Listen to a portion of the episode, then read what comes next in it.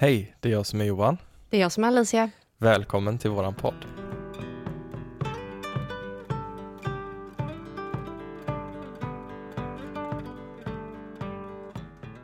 Du Alicia, Ja. du fick ju en fråga häromdagen eh, som handlade om att älska sig själv. Ja, Hur svårt det kan vara. ja. Jag har fått ett meddelande, för det första, om en som frågade hur, hur lär jag mig älska mig själv? Jag hatar mig själv. Eh, Precis, och du fick ju även då Ja. frågan, har du alltid älskat dig själv? precis. Ska vi börja där, i Mm. den änden? Nej, jag tycker det är eh, fruktansvärt att känna den känslan att man hatar sig själv. Mm. Jag har varit där. Jag har inte alltid älskat mig själv, självklart. Mm. Jag hade ju min, jag hade ju en jättedown-period eh, när vi hade blivit tillsammans. Mm. Det var ju år av depression. Och eh, under den tiden så hatade jag mig själv. Ja. Något fruktansvärt. Och jag har ju lärt mig att älska mig själv, för jag älskar mig själv idag. Mm. Precis. Jag tänker alla har nog varit där, eller är där, i att man Mm. känner att det är svårt att faktiskt älska sig själv. Och vad innebär det, tänker jag? Mm. Eh, Det är ju ett ord bara, att älska sig själv. Men vad Det är är så det klyschigt faktiskt? på något ja, sätt. Men Exakt. alltså, det hänger ihop med att jag respekterar mig själv. Jag värdesätter mig själv. Jag eh, värdesätter min egen hälsa, mitt eget mående. Mm, Jag värdesätter min egen tid. mm, Jag värdesätter min ekonomi. Jag värdesätter allt som har med mig att göra. ja. Att man inte sätter sig själv bakom andra kan man väl säga. Bakom andra och bakom annat, Exakt. tänker jag. Som jobb, som vänner, familj. Mm, Eh, och här kom vi in på en ganska intressant sak när du och jag pratade om det. Eh, för jag blev lite... Du triggade mig, mm. faktiskt. För du var... Ja, men, eh, vad var det du sa? Om, om att man tror att man är ego. Precis, om man eh, bara hör det här, ja, att man ska älska sig själv, då kanske det är några som får den här eh, tanken, ja men är inte det egoism? Kan inte jag bli ego då om, Ja. jag, om jag sätter mig själv framför andra? Ja, att man får den reaktionen eller så. Det låter ju så att man är men, nästan narcissistisk, förstår du vad jag menar? Jag förstår vad du menar. Och det är det ju absolut inte, tänker jag. Mm, nej, verkligen inte. För det att vara egoistisk eller narcissist är ju något helt annat. Det är att kliva över lik för sin egen skull. Ja, Medan när man väljer att älska sig själv, då prioriterar man sig själv. Man kanske inte tackar ja till allting som alla ber en om. mm, Man kanske faktiskt säger nej till saker. Men det handlar inte om att du ska pressa någon annan till att göra någonting för dig. Det är då det blir ego, mm, när alla andra ska anpassa sig efter dig. mm, Det handlar om att ni anpassar er efter varandra, inte att du lägger dig platt som en jävla pannkaka. mm. För det är ett självskadebeteende, Ja. faktiskt. Exakt. Och Mm. det här med att älska sig själv, det handlar ju inte om att höja sig själv till skyarna i... Men var, nu blir jag triggad igen, för Ja, det är det här jag blir triggad av. Förlåt, får jag Att- bara fortsätta där? Mm. Att man inte ska kanske stå och kolla sig själv i spegeln och överdriva. Utan jag menar att det handlar mer om att man accepterar sig själv för den man är. Jag säger absolut, Ja. man ska acceptera sig själv som man är. Vi kommer in på just det här ak- självacceptans också i det här avsnittet. Det jag känner är eh, nej, att jag blir triggad. Eh, det är just det här, nej men inte ska jag vilja stå i spegeln och säga åt mig själv att jag är snyggast på denna planet och att jag är eh, den bästa frun som finns eller att jag är eh, snyggast av alla jag känner. Jo, gör det. Mm. För att vet du vad, hatar du dig själv så som jag har hatat mig själv. Det är det enda som funkar, att boosta upp dig själv till skyarna. Det kan slå över, absolut att det kan slå över till att man blir ego. Mm. Men samtidigt, har du hatat dig själv så förtjänar du att vara ego ett tag. Mm. Är, ärligt talat, det, jag, jag ser inga problem med det. Mm. För att du behöver, någonstans behöver man väga upp. Och de människorna som inte klarar av, inte att man är ego, men att man faktiskt sätter sig själv först. Mm. Plocka bort dem från ditt liv, för de förtjänar fan inte att vara där. Det bara är så. Mm. Jag tänker för de som faktiskt hatar sig själva och vill För det var den här personen som skrev ett eh, meddelande till mig på Instagram. Skrev att jag hatar mig själv. Jag vill inte ha det så längre. Jag vill lära mig att älska mig själv. Hur gör jag? Hjälp mig. Mm. Ehm, för det första så eh, kommer jag inte eh, ge några svar. Det är inte min roll. Jag kan hjälpa till att ge tips som i podden. Då rekommenderar jag ofta att man lyssnar på poddavsnitt. Ehm, och jag kommer inte... eh, Man får boka en session med mig helt enkelt. Mm. För att jag får jättemycket DMs varje dag. Och jag kommer inte kunna sitta och svara på alla. Så att... ehm, eller sitta och svara en novell på varje. Ehm, så att då får man faktiskt boka en, ehm, en coachsession med mig. Men den här, den här eh, frågan, just jag hatar mig själv, jag vill lära mig älska mig själv, men jag vet inte hur man gör. Mm. Det tyckte jag var väldigt intressant. Ehm, och jag har ju själv varit där, jag har själv känt exakt den känslan, jag vet fan hur man älskar sig själv. Mm. Eh, alla älskar ju sig själv på olika sätt också. En sak som jag blev väldigt triggad av, som vi pratade om också, det var det här med att nej men inte ska väl jag. Inte, inte ska väl jag eh, köpa mig en tröja när barnen behöver tröja. Ja, men det, exakt. Varför, här- men, nej, men inte ska väl jag lägga tid på att jag behöver gå, eh, att jag behöver ta ett långbad när jag behöver skjutsa sonen till fotbollen. Det är den här inre rösten som Ja. ja. åsidosätter sig själv. Hela tiden. Mm. Och de här personerna som... Eh, men alltså, jag kanske kränker någon nu, men eh, jag tar ansvar för mina ord så får du ta ansvar för dina känslor, du som lyssnar. Men så här. Det är lite mähä, lite mjäkigt att säga så. Att nej men inte ska väl jag. Alltså de här personerna, eh, nej men jag älskar inte, eller jag, jo men det, jag älskar mig själv men jag, men jag kan inte riktigt, eh, nej men jag kan ju inte sätta mig själv före alla andra. Men det, eh, det där är så mjäkigt, du lägger dig platt som en pannkaka. Det som är, det är att du väljer att lägga dig platt. Eh, och att du väljer att inte älska dig själv. Du aktivt väljer att inte göra det. Sen finns det de personerna som faktiskt hatar sig själva, som inte vet hur man gör. De som aldrig har fått den kärleken från någon annan och inte vet hur de ska visa den till sig själva. Mm. Det där är sån stor skillnad på självkärlek och självkärlek i det här fallet. Eh, och hur man hanterar det, hur man väljer att hantera det. För de här personerna som lägger sig platt som en pannkaka och inte ska väl jag och låter alla andra gå på en. Det där, jag, har, jag har förståelse för vad det är som händer i en sån person. Jag förstår att det har med självkänslan att göra.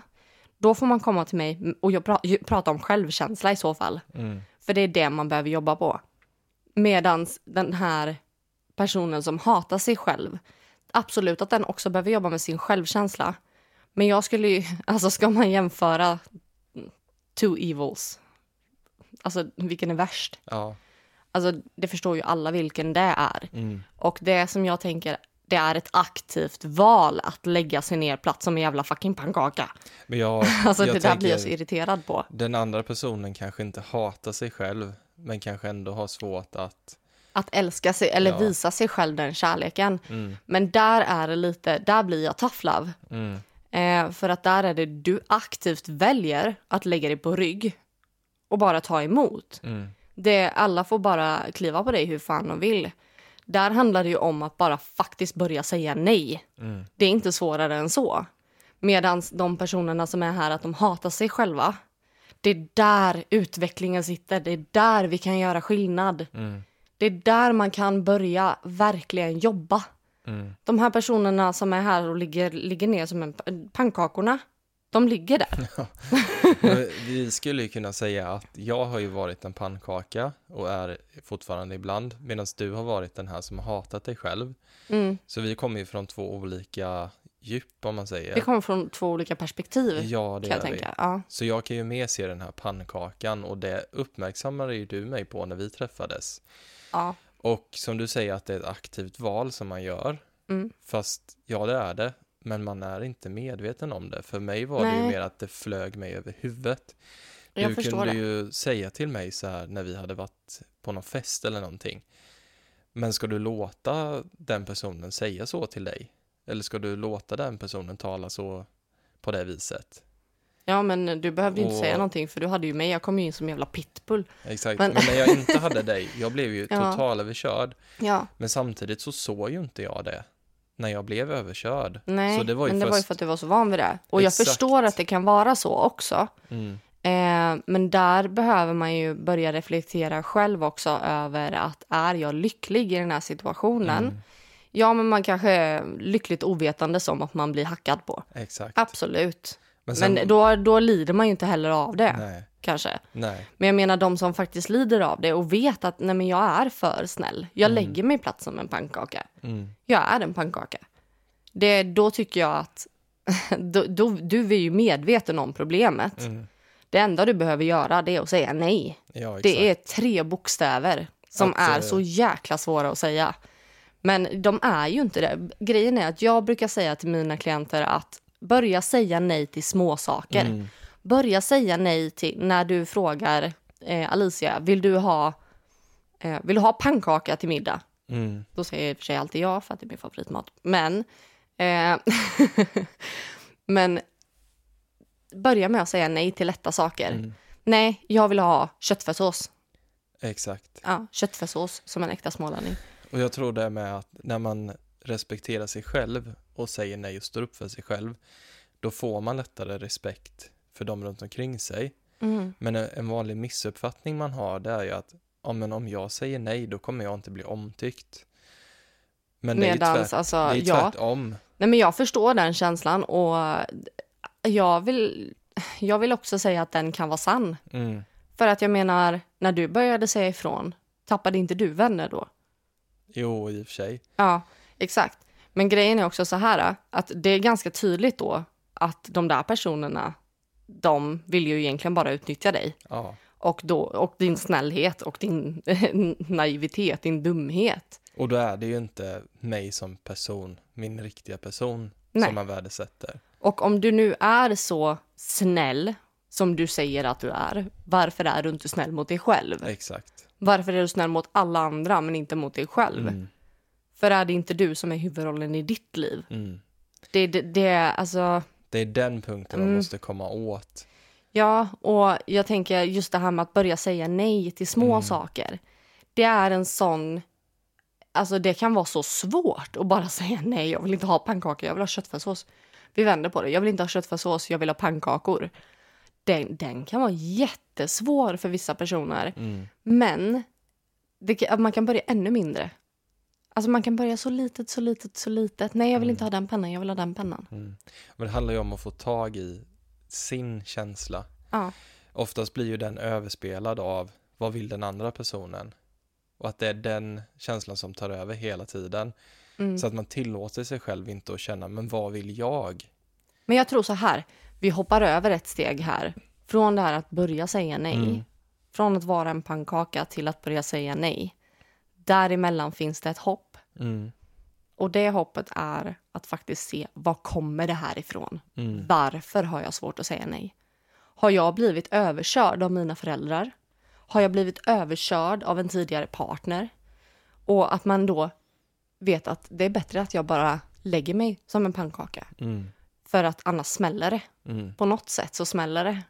Exakt. Och, det- är det så att man är i ett sånt förhållande nu, det är inte svårare än att lämna. Det kan verka jätteläskigt, Mm. men det är inte svårare än att faktiskt bara ta sina saker och gå ut genom dörren. Mm. Och jag tänker också det att man vet inte ibland vem man är. För Nej. att du tror att du är det som andra har programmerat dig till. Ja. Du har ju fått höra säkert hela din uppväxt. Ja, men du är så duktig. Eller, ja, men du är så snäll. Mm. Och sen så tänker man, ja, det är ju jag. Och då försöker man leva upp till det. Medan det kanske inte alls är så som man själv känner att man vill vara. Det handlar ju om att plocka bort alla andras åsikter, tankar, föreställningar, roller som de har lagt på dig. Det handlar ju om att göra sig fri från allt det där. Eh, och faktiskt bara skala bort varenda lager på löken tills du kommer till kärnan Mm. och hittar vem du faktiskt är. Om man lägger bort alla roller, alla känslor som andra har lagt på dig, alla egenskaper som alla andra har lagt på dig. som jag fick höra att jag var duktig flicka. Jag var flitig i skolan, jag var lättlärd, jag var ditten och datten. Jag var tvungen att lägga bort allt det där och se vem är jag här inne? Vem är jag här? Mm. För det är inte det. Det är inte det jag är, det som de säger att jag är. Det, jag är ju så mycket mer och ingenting. Exakt. Och det är väl där någonstans det börjar hända någonting. Mm. I att man faktiskt på riktigt kan, ja nu då Lära känna älska, sig själv. lära känna sig själv och älska den man är. Och Mm. acceptera den personen man är. Mm. Och det är väldigt lätt att säga så här, ja men jag älskar mig själv. Fast gör du verkligen det? Vet du vad det innebär? Och Mm. För mig innebär ju att, att älska sig själv eller att... Jag tycker inte om termen att älska Nej, sig själv inte jag. överhuvudtaget, men jag vet inte vad man ska kalla det. Eh, det är någonting som man känner igen i alla fall. ja, men att eh, ja, men ha respekt för sig själv. Att man, eh, att man känner att man duger som man är och att man trivs i sig själv. Mm, Att man trivs, skulle jag säga. Att man trivs i sin kropp, att man trivs i sig själv. absolut. Och då menar jag inte i sin kropp så som man ser ut, utan man trivs i att vara i sin kropp. Man Mm. trivs i att vara i sig själv. Den personen som du är. För jag tror att när vi verkligen trivs i att vara oss själva, ehm, nej men det är ju det alla strävar efter. Det är ju det, är det som är självkärlek. Och ehm, nu har vi rätt ut det begreppet så att nu kan vi gå Mm. vidare. Men det är så mycket jag vill ta upp i det här avsnittet egentligen. Men det, det, jag, jag har tänkt på två saker till. Det är för det första att när man, för att kunna acceptera sig själv, så tror jag, eh, att det handlar om att se att jag har styrkor. Jag, jag är bra på det här. Det här samtalet hade jag också med eh, en klient häromdagen. Eh, att eh, men de här bra sakerna med mig, att det är jag Mm, det tar jag till mig. Mina svagheter, alltså som jag lägger en del av mina svagheter på mina diagnoser. För att det är mina diagnoser. Samtidigt som till exempel min kreativa sida, det är också mina diagnoser. Men den egenskapen väljer jag att ta till mig. mm, För den är också jag. Medan det här som att vara glömsk. Jag är inte en glömsk person. nej. Mina diagnoser gör mig glömsk. Det är inte mitt fel. Alltså, det kan ju låta som att man lägger av ansvaret på något annat och att man inte vill ta ansvaret. Absolut, så kämpar jag ju för att komma ihåg saker. Men samtidigt så, det är ju inte mitt fel. Jag är född med de här förutsättningarna, punkt. Ja, Alltså det handlar ju om att okej, jag behöver se för det första mina styrkor, sen behöver jag se mina svagheter. Det här med svagheter är en väldigt intressant punkt för mig. Tycker, jag tycker att det här är jätteintressant. Eh, och det här kommer jag faktiskt ha med i mitt nya coachprogram som jag håller på att sätta ihop just nu. Eh, men det här handlar om att vi behöver titta på våra svagheter. Okej, säg att jag är dålig på att komma i tid. Jag, är, eh, jag har kort stubin. Eh, jag blir triggad av andra människors åsikter på vissa punkter. Eh, jag, nu hittar vi på här att jag är född i en dålig familj. Jag har föräldrar som är idioter, de super, säger vi. Nu gör inte mina föräldrar det, bara för att förtydliga. Det, här är bara fiktion. det är fiktion. Men okej, så att jag är dålig på att komma i tid, jag har kort stubin, jag är lätt att trigga och mina föräldrar super. Mm, Okej, då finns det två kategorier. De sakerna som jag kan göra någonting åt, de sakerna som jag inte kan göra någonting åt. mm, Jag är dålig på att komma i tid. Okej, gå tio minuter tidigare så kommer du komma i tid. Se till att du går upp en halvtimme tidigare om det är det som krävs. En timme tidigare om det är det som krävs. Det här med att jag har kort stubin. Då behöver jag jobba med mindfulness. Jag behöver jobba med mitt humör. Jag behöver se vart ligger min, mina aggressiva tendenser. Va, varför är det så?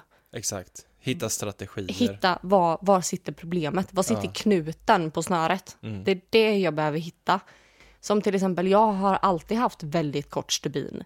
Det som har varit problemet för mig, det är ju just det här att jag inte kunde ta kritik. Mm. Jag kunde absolut inte ta kritik för jag blev jättekränkt. Jätte, jättekränkt. Ehm, och det där var ju för att jag inte... Jag vet inte, för att... Jag har till och med glömt bort det. Jag har inte tänkt på det på, på, det på så länge för att jag blir inte kränkt längre. Ehm, men det grundar sig också i någonting. Ja. Alltså, och det var, väl, nej men det var väl mycket att de runt omkring mig när jag växte upp, både vänner, familj och lärare, det var ingen som kunde ta kritik. Mm. Det var ingen som, alla blev arga, alla blev sura. Alla skyllde alltid ifrån sig, det här vet jag att jag har pratat om innan, att alla skyllde ifrån sig. Och därför kunde inte jag ta kritik. För jag, jag hade aldrig fått lära mig hur man gjorde. Och därför blev jag jättearg så fort någon sa någonting. Det, Det här ju- med att jag, eh, att jag blir triggad lätt. Ja, men det handlar ju också om mig själv. Varför? För att jag bryr mig så himla mycket om vad alla andra tycker och tänker. Mm. Därför blir jag så triggad. Mm. När någon säger någonting om eh, att man färgar håret. Jag färgade håret. Ja, men då var det fel. Då blev jag jättetriggad av att någon sa någonting. Mm. Och jag blir triggad av till exempel dig nu. Det är någonting jag fortfarande jobbar på, att inte bli triggad när någon säger någonting som jag inte håller med om. Mm. Men samtidigt, nu har jag ju, nu kan jag ju lugna ner mig väldigt snabbt. Mm. Eh, jag kan se det från ett eh, tredje persons perspektiv. Mm. Jag kan se det utan att lägga någon värdering i det. Eh, och därför har jag jobbat med det problemet.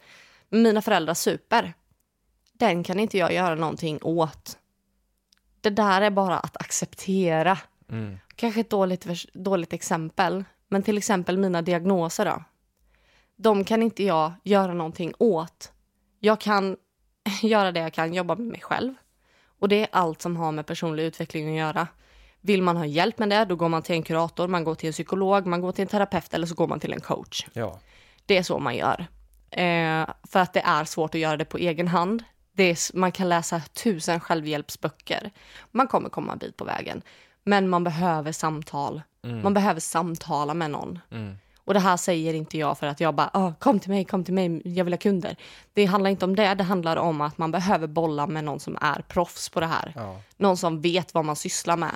För att när man väl grottar ner sig i det där träsket, det kan göra så fruktansvärt ont och då behöver man stöd i det.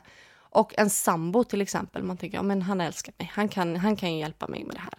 Han har inte bett om att du ska utvecklas som person. Han har inte bett om att du ska sätta dig i den situationen att du går igenom tuffa saker inom dig själv. Eh, det är inte rättvist att lägga det på din partner, för jag la det på Johan och det var inte okej. Mm. Det var absolut inte okej. Och det är absolut att man kan prata med sin partner, men han är inget proffs. Det får man ju komma ihåg. Det måste man komma ihåg. Att man vill Och ju, du kommer inte få rätt svar. exakt, man vill ju väl Mm. eh, som partner och familj och så. Absolut. Men, De flesta, vissa vill inte ens det. nej, men det är ju inte alltid att man kan stötta på rätt Nej. sätt. Och där behöver man ju rätt stöttning. Det är därför Ja. jag säger att man ska gå till någon som Mm. kan hjälpa till. Men det handlar ju just om det här. Ja, men jag kan göra, men när det kommer till mina diagnoser. Okej, jag kan medicinera, jag kan jobba med mig själv. Jag kan eh, berätta om att jag har mina diagnoser så att folk förstår runt omkring mig så att de förstår att jag har det. Och så att jag får rätt anpassningar då såklart. Mm. Ehm, men det jag inte kan göra någonting åt, det är att jag faktiskt har diagnoserna.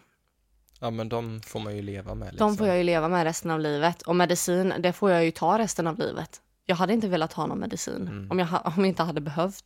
Men mina mediciner hjälper mig och då får jag ju göra det.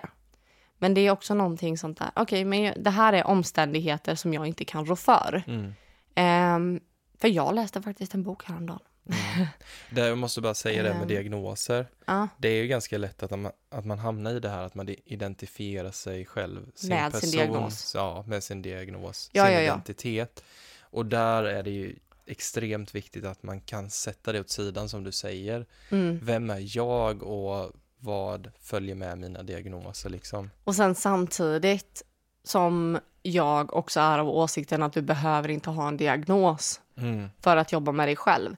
Jag insåg inte det här innan jag hade mina diagnoser, för jag hade liksom, alltså det enda siktet jag hade, det var att få diagnosen på papper. Det var det enda som funkade för mig. Det var det enda jag skulle, det var mitt enda mål i livet, att få min diagnos.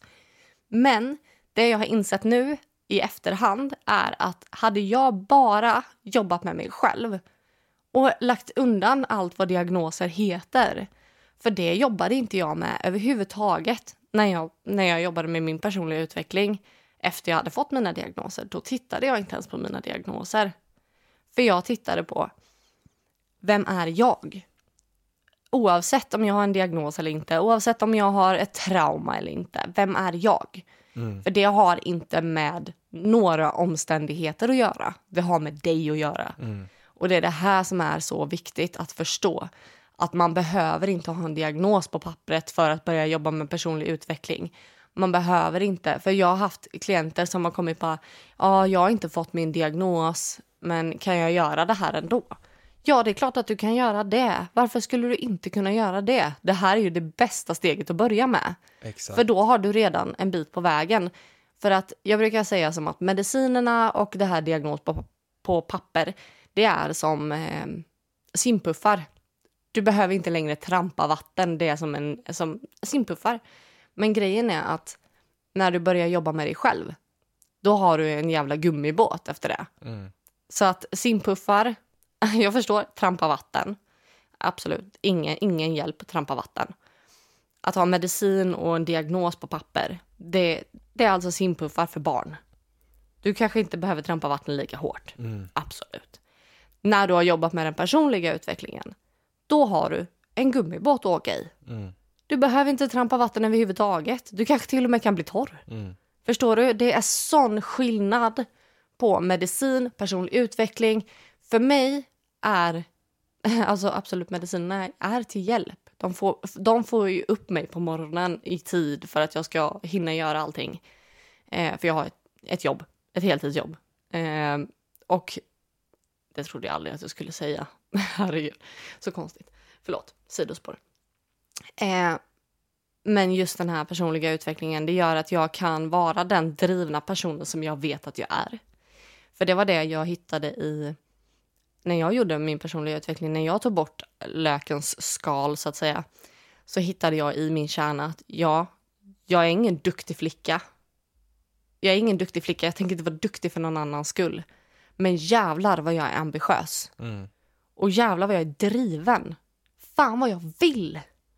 Jag vill så mycket. Mm. Det är jag. Precis. Inte duktig flicka, jag ska klara det här och det här. Mm. Jag ska göra det här för att jag vill det. Mm. Fasen vad jag brinner för det här. Mm. Det ska jag göra. Och den ambitionen kan ju då bli förvriden. Mm. Alltså den kanske finns där i grund och botten. Fast du använder den, eller vad ska man säga, du applicerar den på saker som andra vill att du ska göra. Mm. Och därför så känns det fel Därför i känns dig. det fel, ja. Och jag vill bara koppla tillbaka till det här som du sa. Vi människor, vi är ju ofta sådana att vi söker ju oftast en quick fix eller Ja, en medicin. gud, ja. Och jag tänker att det kan lätt bli en väldigt stor besvikelse om man tänker att diagnosen på papper ska vara det som Jag får, blev jättebesviken ja, som ju. får ens liv Gud, att ja. förändras dramatiskt. Mm. Det är ju som du säger att du kan ju få mer hjälp i samhället om du har det på papper på din arbetsplats eller på via Absolut. psykiatri eller mediciner och så vidare. Men en diagnos på papper kommer ju inte att ge dig en personlig utveckling per automatik. Nej. Och det är samma sak, jag som är lärare i skolan.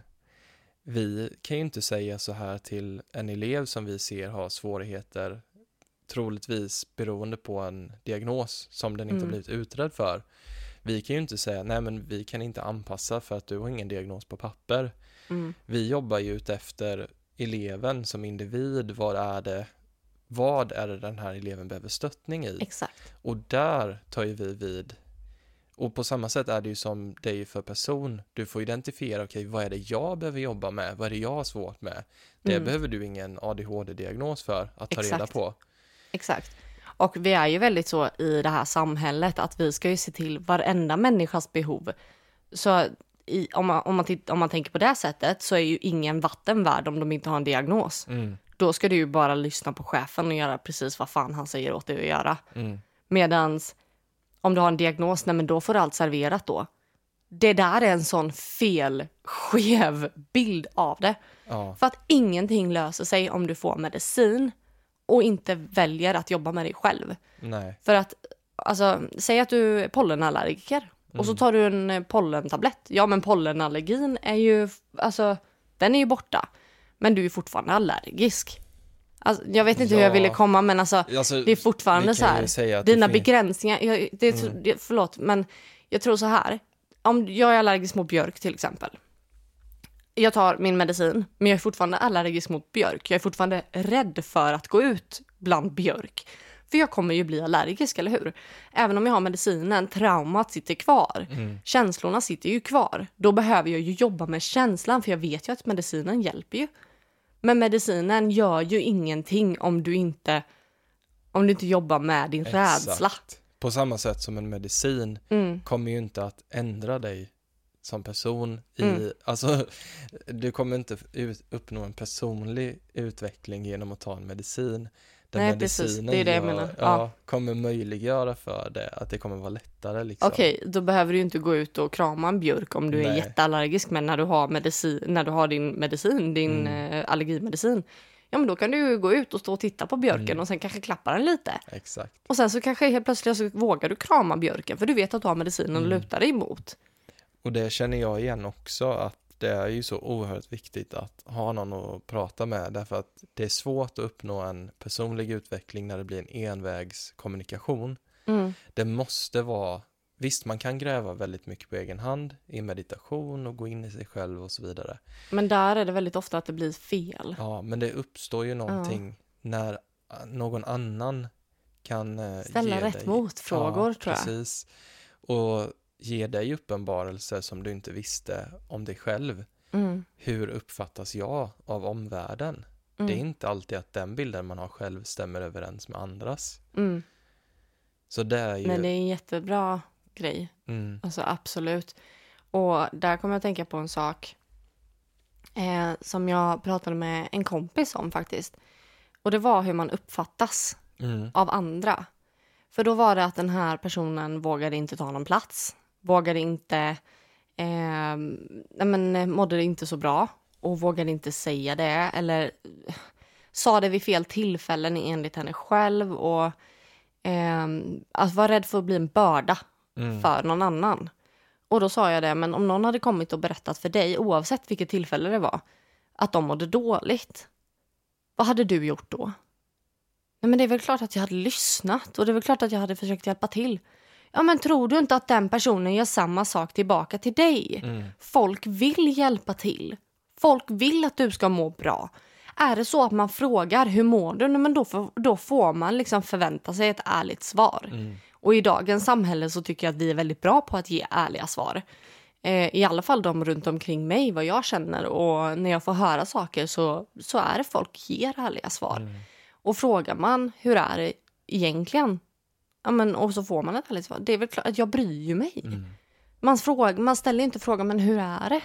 Exakt. Mår du bra? Och då om det är någon som skulle vara så som man befarar eller som din kompis befarade, Mm. då är det ju ingen kompis, tänker jag. Nej, och sen så tänker jag, vad är det värsta som kan hända? Mm. Oj, att den personen bara, oj, eh, jaha, nej, okej, ja men eh, du får krya på dig.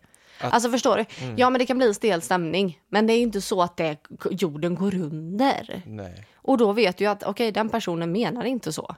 Mm. Och eh, det jag alltid säger är, ehm, alltså mitt absolut bästa tips här är ju att eh, det blir lite gratis coachning här i avsnittet. Men det här är ett av mina bästa coachknep. Berätta innan. Ber säg innan att är det okej om, fråga innan. Är det okej om jag berättar på riktigt? Är det okej att jag berättar hur det faktiskt är? När du frågar, "Ja, men hur mår du? Men är, är du Eh, nej men jag mår inte så bra, är det okej om jag berättar? Mm. Eh, hin hinner du lyssna en minut eller? Mm. Eh, om den personen bara, nej jag, jag, jag hinner faktiskt inte det, men, eh, men jag hoppas att du, att du mår bra snart. Mm. Eller att man, okej, men då var det inte så. Men de flesta kommer svara, ja, det är klart att jag har, hur är det? Ja.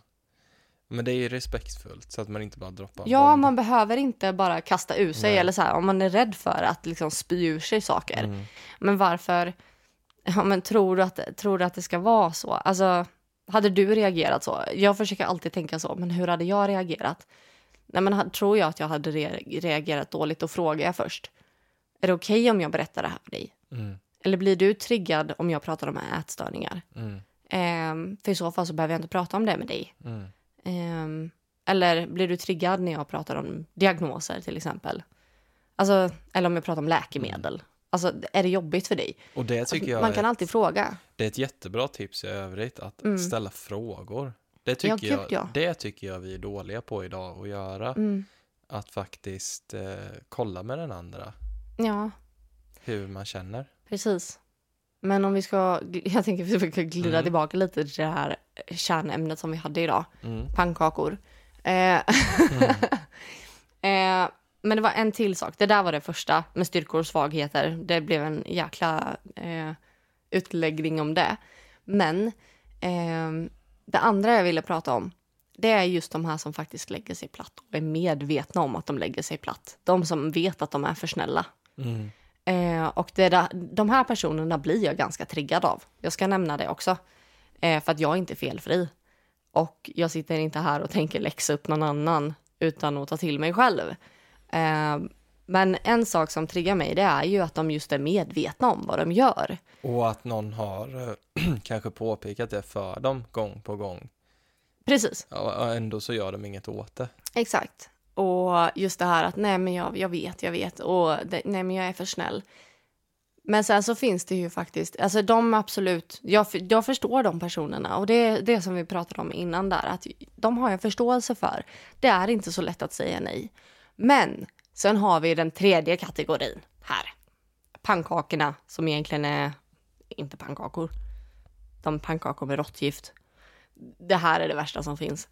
De som lägger sig platt för att sen ställa sig upp och skrika du gick på mig. Mm. Det här är det värsta jag vet. Det absolut värsta jag vet. När man lägger sig platt och sen så, men jag gjorde ju det här för dig. Ja, Nu är det din tur. Blir inte det någon form av manipulation? Det blir manipulation. Mm. Så att här är det väldigt lätt också eh, när man är en sån där pannkaka.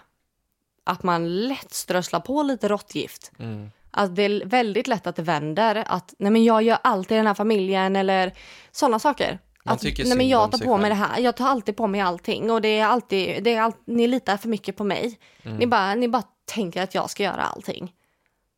Ja Fast- men det är ingen som har bett dig. Exakt. Vet du vad? Det är faktiskt ingen som har bett dig. Mm. Och sen så, det här är ju det typiska. Jag vill knappt säga ordet, men det är den här äckliga offerkoftan.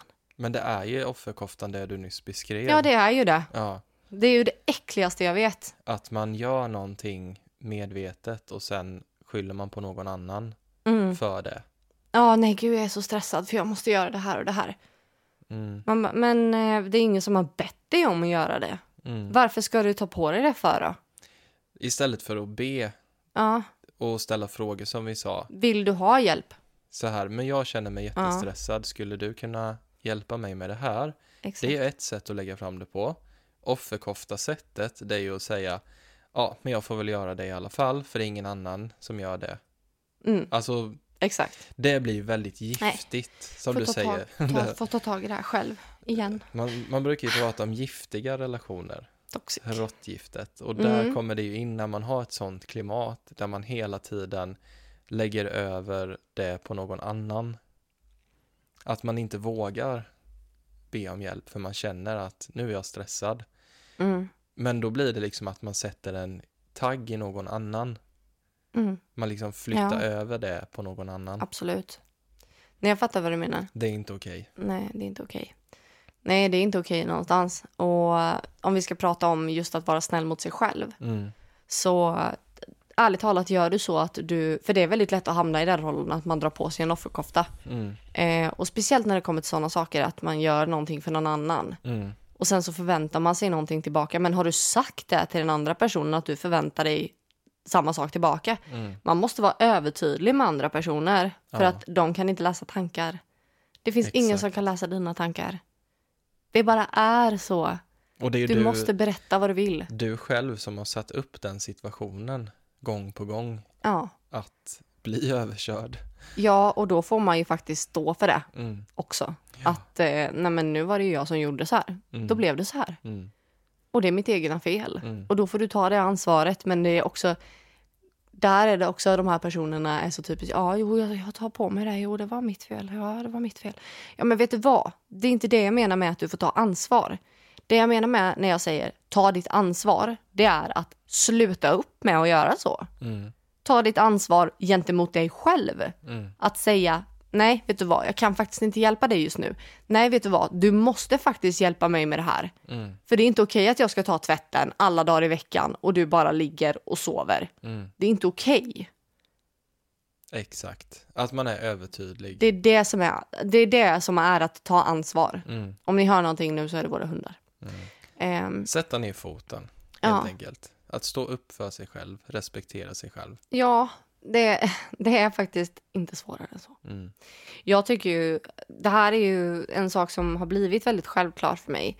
Jag kan fortfarande känna igen mig i den känslan. Jag, jag kommer fortfarande ihåg känslan. Det är, ju- det är ingenting jag någonsin kommer glömma. När man har varit en pushover, när man inte har varit en pushover. Jag har väldigt sällan varit det, men jag, vet, jag har sett så mycket i dig Mm. att det känns som att jag har upplevt det själv. Mm. Och du förklarar ju ofta dina känslor för mig väldigt bra numera. Så att nu förstår jag ju den känslan Mm. mycket bättre än vad jag gjorde innan. Men jag försöker komma fram till att man glömmer aldrig de känslorna. Och jag vet hur svårt det är att ställa sig upp och slå tillbaka eller säga emot eller bara det att faktiskt stå upp för sig själv. Mm. Den är skitsvår. Men som sagt, börja med de små sakerna. För det är dig jag pratar till nu, du som lägger dig platt och är för snäll och du vet om det. Mm. Börja med att säga små nej. Mm. Börja med det. Små nej, hela tiden. För det, det kan inte vara på ett annat sätt. Man kan inte alltså vända allt på en natt. Nej. Utan som i mitt fall, där var det ju liksom Steg ett var ju bara att identifiera de situationerna Mm. när det hände. Ja, Steg två var ju att faktiskt börja känna efter. Hur känns det när jag är i den här Ja. situationen? Hur känns det? Vad, vad vill jag? Vad, inte vad vill den andra personen? Mm. Vad vill jag? Okej, vad har jag för känsla här? Känns det rätt? Känns det okej? Där liksom måste man börja. Och sen är det klart, alltså jag tycker ju att man ska ställa upp för sina nära och kära om man känner att okej, men ibland kanske man får vara lite självuppoffrande och liksom okej, men jag vet att den här personen verkligen behöver min Mm. hjälp nu. Mm. Ehm, och då kan jag göra det för den personen. Ja, Även om jag inte vill göra det för den personen så kan jag göra det bara för att jag vet att den här personen är verkligen beroende av att jag gör det. Exakt. Ehm, och men- behöver verkligen, verkligen min hjälp. Absolut, så är det ju. Man är ingen pushover för det. Nej, Men det är ju skillnad på att alltid lägga sig platt och aldrig eh, göra vad man själv vill eller känna efter. mm. Men det är också åt andra hållet. Att alltid gå på vad man själv vill och bara skita i alla andra. det är då man blir ego. Ja, exakt. Och man hela tiden säger nej, jag har inte lust med det. Nej, det får du göra. Alltså, då Ja. blir det åt andra hållet istället. Men Så- då lägger man ju över, alltså om, om vi tittar på dig och mig till exempel. Mm. Säg att, eh, vi, att jag skulle liksom sköta allt i hemmet. Mm. Jag skulle sköta hundarna, jag skulle sköta jobb, allting, allting, allting. Mm, Och sen så skulle jag bara, kan inte du ta hundarna på en promenad? mm, Nej, jag vill inte det. ja, Nej, okej, men ja, man måste förstå att det man också säger nej till Mm. när man börjar säga nej mycket, mm, när man är ego. mm, Så nu pratar vi om de som inte är pannkakor. Ehm, nej, de pannkakor som har satt sig i taket istället. Eh? Konstig liknelse. Men ehm, de här personerna som är så här ego, vet man med sig att man är en sån här person? Skärpning. mm, För att du vet att det du lägger över på någon annan, eller det- det du säger nej till, det lägger du över på någon annan. mm. Det är, det är inte snällt. Och att faktiskt den personen har eh, uttryckt, Mm. här, skulle inte du, jag behöver det här nu. Mm. Och det du gör då, säg att ni är i ett förhållande Mm. och du säger nej, ingen lust. Det signalerar ju att du bryr dig inte om din partners känslor. Nej, för då behöver ju din partner som har varit på jobbet hela dagen Mm. och eh, tagit hand om barnen där hemma. Mm, då behöver ju den göra en till sak. Mm. Medan du fortfarande ligger på soffan Och tänk så och här, inte vill. det kanske känns lite jobbigt för dig i stunden att behöva göra det. Men tänk, hur känns det för din partner då? När du faktiskt gör det den ber om. Mm. Det där handlar ju om att ha en sund relation. Exakt. Det där handlar ju inte om att eh, visa sig själv respekt eller visa Mm. sig själv kärlek. Mm. Eh, det där handlar ju faktiskt om att, att man visar att jag älskar dig. Exakt. Jag vill göra Inte någonting. bara att jag älskar mig själv. Exakt. Jag vill göra någonting för dig. Mm, Och i en relation så måste man ju göra saker för varandra. exakt. Det är ju ett... Jag, jag har svårt att tänka mig ett förhållande där man bara går på vad man själv vill hela tiden. Nej, Det går det ju blir inte. ju... Nej, då tar det ju slut. Ja. Herregud. Ett sånt förhållande kan man inte vara i. Nej. Men det är ju om... Det är det som är så farligt. Om en sån person träffar en pannkaka, Exakt. då... då där har vi ju en krissituation. Mm. För säg att den där pannkakan i taket träffar en sån här pannkaka som ligger på golvet. Mm. Det blir liksom... Det blir sånt gap emellan dem. Mm. Så att den här som bara kör över hela tiden, vi kan ju kalla det för bulldozern istället. Mm. Den kommer ju bara totalt, det är ju massaker på den här jäkla pannkakan. Mm. Det är ju hemskt. Mm. Och jag tror inte folk förstår hur, hur mycket det här kan tära på en person i en relation. Mm. Att, eh, att redan ha svårt att säga nej och sen så blir man överkörd när man väl vågar be om någonting. Ja. Det är fruktansvärt. Och det ska man inte behöva bli utsatt för med den personen man har valt att leva sitt liv med. Nej. Och det är faktiskt aldrig för sent att lämna en relation. Nej. Om man är 70 år och gifta och fortfarande bara känner nej, jag vill inte sitta här med den här jävla gubbstrutten. Nej, men lämna då. Det är inte svårare än så. Mm. Alltså flytta till en kompis. Mm. Alltså på riktigt. Det, är- det är inte svårare än så. Ja men hennes gubbe har redan, eh, han har redan gått vidare till andra sidan. Då flyttar vi hem till henne så kan vi ha tantfest hela dagarna. Alltså det spelar liksom ingen roll. Det, det, bara man är lycklig. Mm. Det är det livet går ut på. Livet är för kort för att inte leva. Livet är för kort för att vara en pannkaka. Livet är för kort för att vara en pannkaka. Ät pannkakor istället, inte vara en pannkaka. Exakt. Och nu gäller faktiskt inte du är vad du äter. Det, det bara är så. Man får äta pannkakor. Jag åt pannkakor till frukost i morse. Jättegott. Det är kanske är därför vi började prata om pannkakor. Ja, det kanske blev så. Men jag älskar ju pannkakor. Så Ja. det, jag blev väldigt inspirerad av mina pannkakor. Jag älskar Mm. pannkakor. Bästa som finns. Om Men det är någon som vill liksom överraska mig, ta med mig på pannkakscafé. Ja. Vi Ja. vet ju att du gillar det. Mm. Eller om man vill skicka så fanmail eller någonting. Då kan man skicka en, en pannkaka i en matlåda. Ja. Men Ja. jag vill även passa på att gratulera dig för du fick ju nyss veta att du kommer bli certifierad coach. Ja, jag har skickat in mina timmar. nu. 60 timmar. 60 timmar. Och jag vet att det är eh, ungefär så här 65 dagar sedan vi hade avslutningen och jag fick börja jobba mot mitt cert. Mm. Och det här är också det här när jag hittade min egen kärna. Att jag var en driven, ambitiös person. Jag gav mig fan på att jag skulle ha mitt cert så snabbt jag bara kunde och nu Mm. har jag det. Det är så härligt. Jag tror jag var färdig dag 62. Ja, Alltså det är helt galet. Fatta vad jag har coachat. verkligen. Och jag har coachat i podden. Tänk om man fick räkna alla timmar någon har lyssnat på podden. ja. Och jag har ju coachat i podden. Jag tycker det är häftigt. Men eh, så nu är jag certifierad coach. Härligt. Intuitiv livscoach. Mm. Det är så galet. Alltså jag är så taggad. Tack för, för grattiset Jess. Ja. Thank you, thank you. Men eh, jag tycker att vi tar rundar av där. Det tycker Vi jag med. knyter ihop säcken med pannkakorna. Ja. Då ska jag gå och äta en pannkaka. Ja. Men det blev ett väldigt intressant och jag tror väldigt viktigt ämne. Ja, jag tror det också. Och det, jag, nej, jag tror att det är många som behöver lyssna på det här. Och känner du som lyssnar att du behöver, behöver hjälp eh, med det här så ligger min coachning ute i vår webbshop. Mm. Eh, och är det så att du undrar någonting så skickar du till ak.coachning på Instagram och så svarar jag så snabbt jag kan. Ehm, Om du har några funderingar över coachning eller sådana saker. Och det här är också en sån här självkärleksgrej. Att man faktiskt investerar i att gå till någon för att utvecklas. Mm. Jag tänker Det är också att visa sig självkärlek. man kan komma väldigt långt på en timme bara.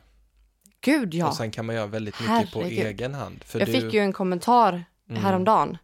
Att eh, jag har nog 150 timmar eh, in, samtal inom vården. Mm. Eh, det, är en, det är en klient till mig eh, som går mitt coachprogram. Eh, och hon bara, men jag tror att du Alicia har gett mig mer, hjälpt mig mer under tre samtal. Mm. Det var nog den bästa recensionen jag någonsin kommer få i hela mitt liv. Ja. 150 samtal inom vården, men jag har hjälpt, hon upplever att jag har hjälpt henne mer Ja. på tre samtal. Då ibland är det ju coachning faktiskt som är det enda rätta. Och där är det, ja, det är ju att coachning fokuserar framåt Mm. mer än bakåt. Mm. Vi kommer ju börja med bakåt i typ ett samtal, Ja. två samtal. För Sen det så kommer vi titta. Ja, det brukar ta ungefär ett samtal. Mm. Första samtalet bara så jag vet bakgrunden. Sen jobbar vi framåt. Ja. Det är det som gäller. Men Nej, du, fantastiskt. du är en fantastiskt bra coach. För det Tack, vet ju jag eh, personligen. Jag har coachat dig vid sidan av. Ja, det har du. Men du räknas inte med i mina timmar. Nej. Så är det. Mm. Nej, men jag tycker det är, eh, det är skitkul. Mm. Och eh, jag finns här. Om det skulle vara någonting.